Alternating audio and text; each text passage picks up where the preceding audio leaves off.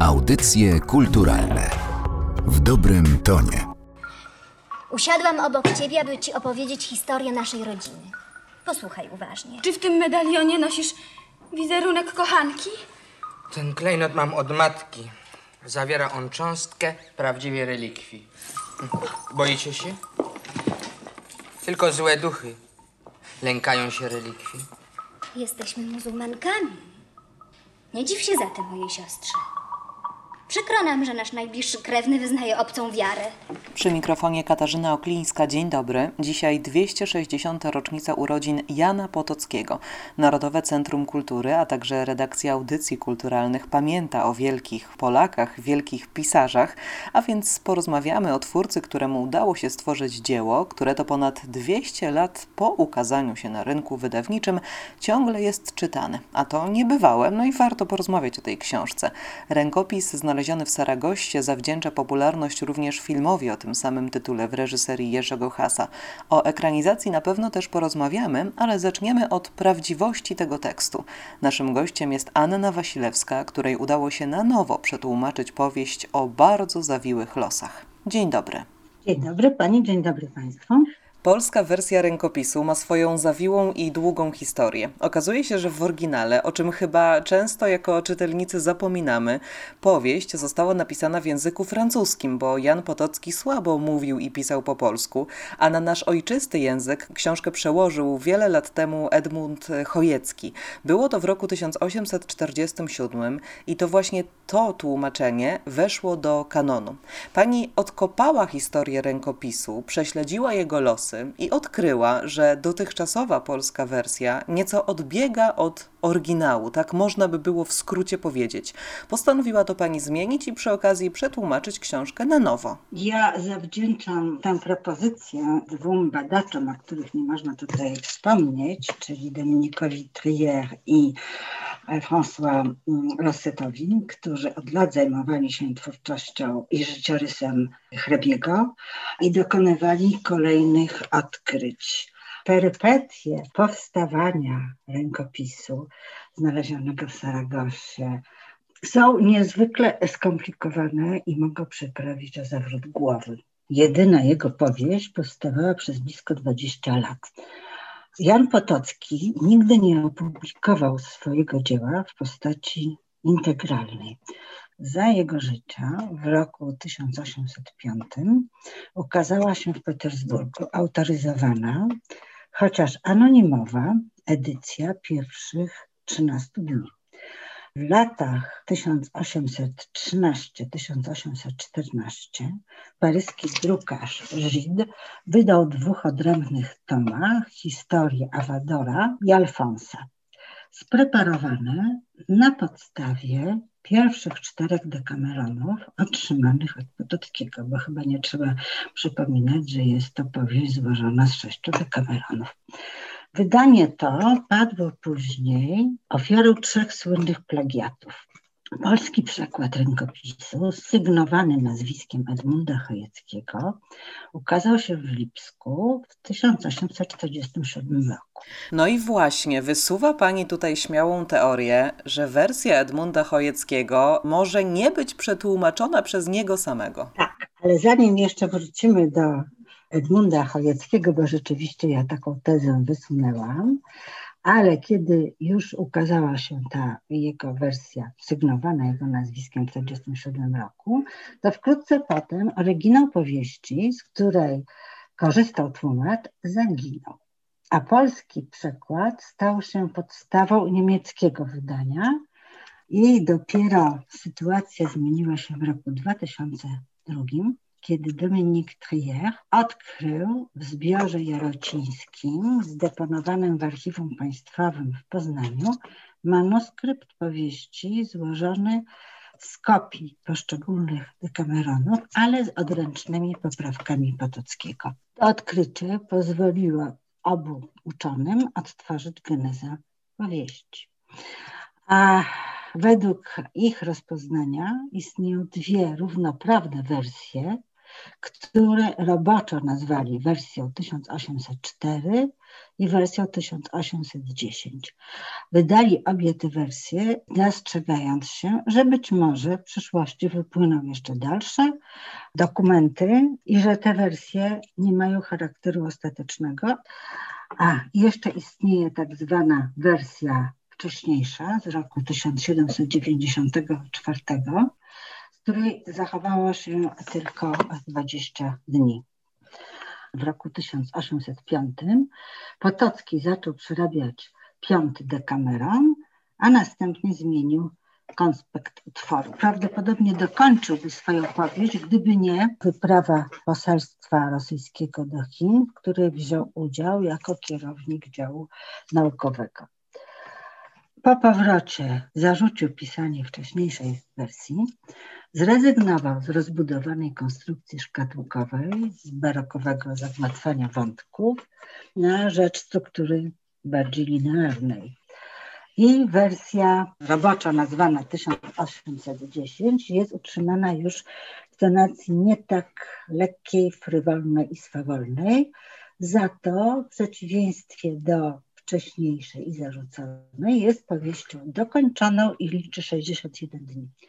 Chojecki, czy ktokolwiek to był, miał prawdopodobnie w ręku obie wersje i do czterech dekameronów z wersji 1804 dołączył dwa ostatnie z wersji 1810, zakończenie zaś zmanipulował i w efekcie powieść w jego przekładzie liczy 66 dni. Czekałyśmy na ciebie. I gdybyś strachem powodowany wybrał inną drogę, straciłybyśmy dla ciebie szacunek. Pochlebiasz mi, Emino, lecz ja nigdy nie zbaczam z raz obranego kierunku. Czemu jednak zajmuje was tak moja odwaga? Ty nas zajmujesz. Ja? Może jednak mniej ci to pochlebi, gdy się dowiesz, że jesteś pierwszym mężczyzną, z jakim mamy do czynienia w życiu? Moja siostra powiedziała prawdę. Wrócę teraz do Pani pytania o to, dlaczego podważam, że autorem tego przekładu był Edmund Chojecki. Nie wiadomo z jakich źródeł korzystał. Rosse i Trier są pewni, że nie korzystał z paryskich wydań księgarza Żida i miał dostęp do bardziej wiarygodnych źródeł za pośrednictwem syna Konstancji z drugiego małżeństwa, przyrodniego brata Andrzeja Bernarda Potockiego, czyli miał w ręku obie wersje rękopisu. Ale niezależnie od tego, ponieważ to jest wersja, którą się czyta doskonale, dopóki się nie weźmie do ręki oryginału i widać, że dopuszczał się szeregu amputacji i dopisków. Nie można też wykluczyć, że przekład był już gotowy i Chojecki użyczył swojego nazwiska.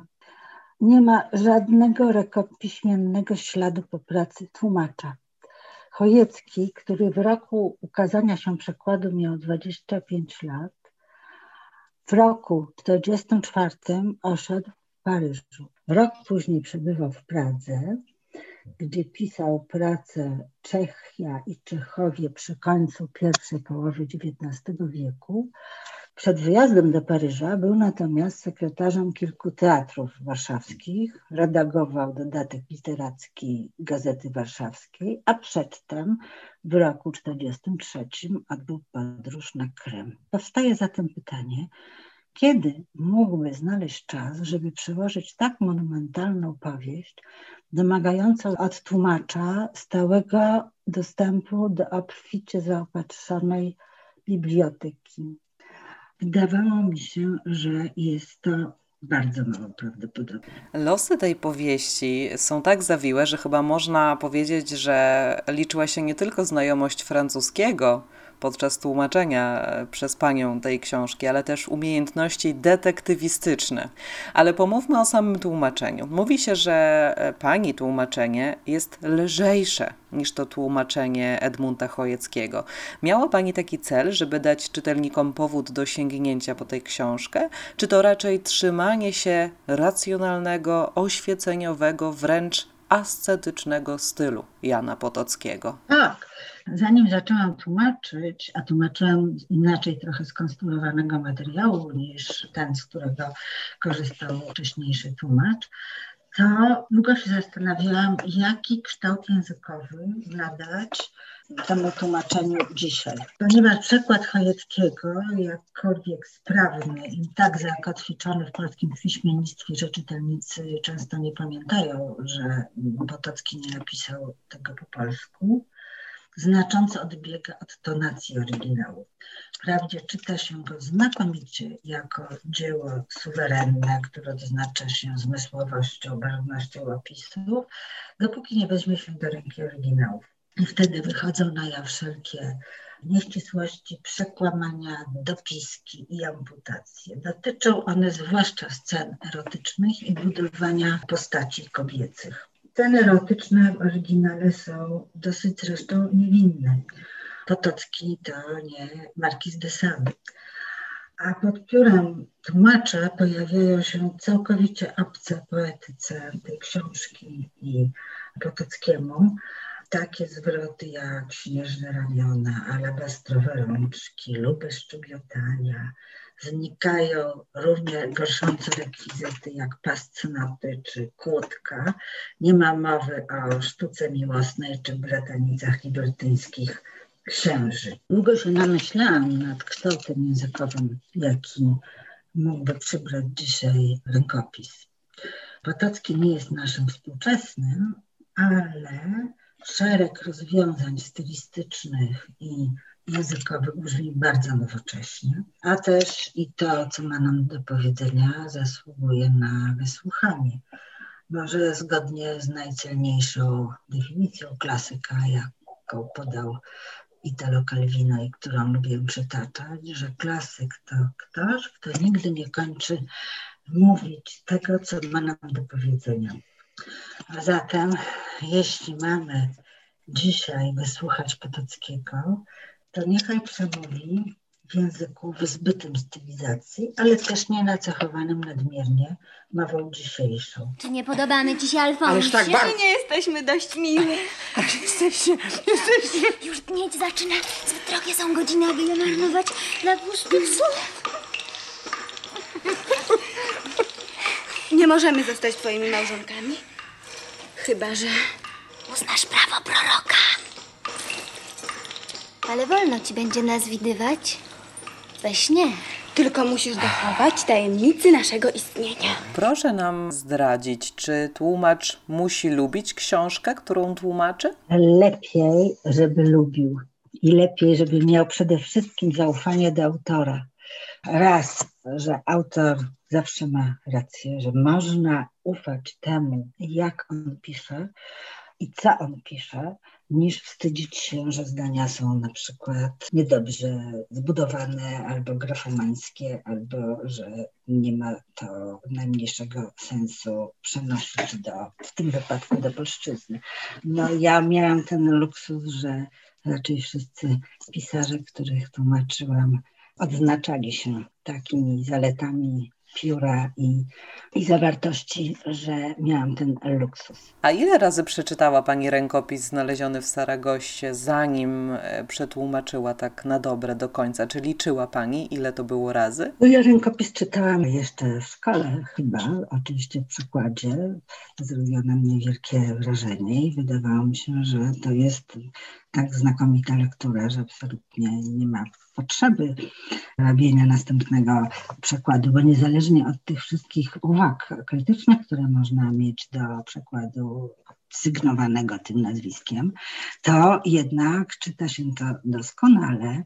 Z całą pewnością tłumacz dobrze oddał teatralizację zapisu, ironię i sarkazm, natomiast poległ właśnie na przede wszystkim próbie dostosowania poetyki tego zapisu do ówcześnie obowiązujących modeli pisania. Pytałam Panią, ile razy przeczytała Pani rękopis, ponieważ wydaje mi się, że jest Pani idealną osobą do odpowiedzi na pytanie, co wyjątkowego jest w tej książce, że mija ponad 200 lat, odkąd pierwszy raz ujrzała światło dzienne, a ciągle cieszy się dużą popularnością.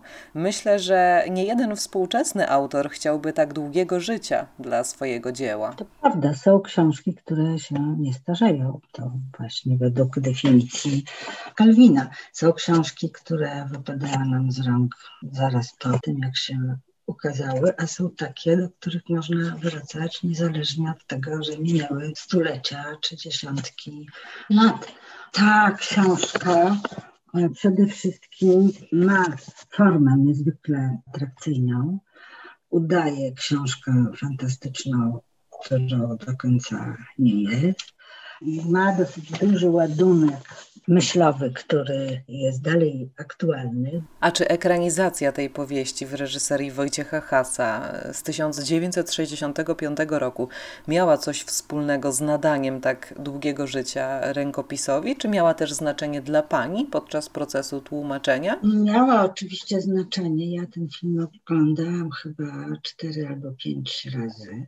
To jest oczywiście dzieło całkowicie niezależne, mimo że bardzo inspirowane opowieściami Potockiego z zupełnie innym zakończeniem. Natomiast wydobywa to, co jest bardzo znamienne dla tej powieści, mianowicie to jest sztuka teatralna w powieściowym przebraniu.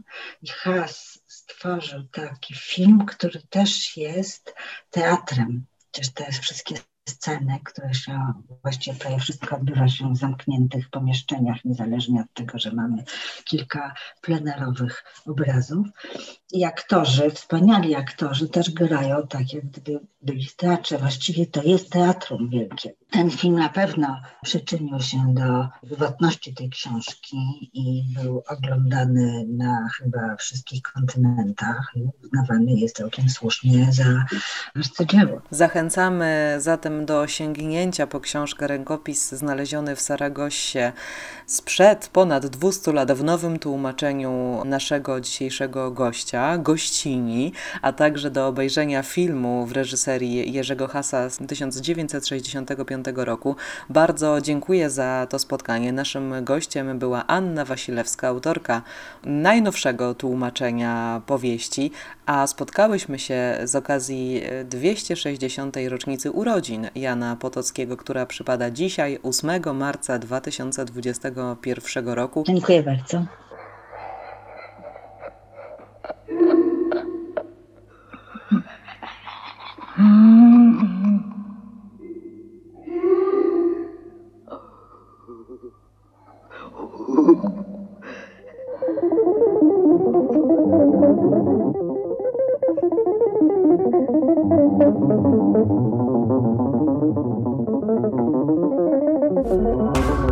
Audycje kulturalne w dobrym tonie.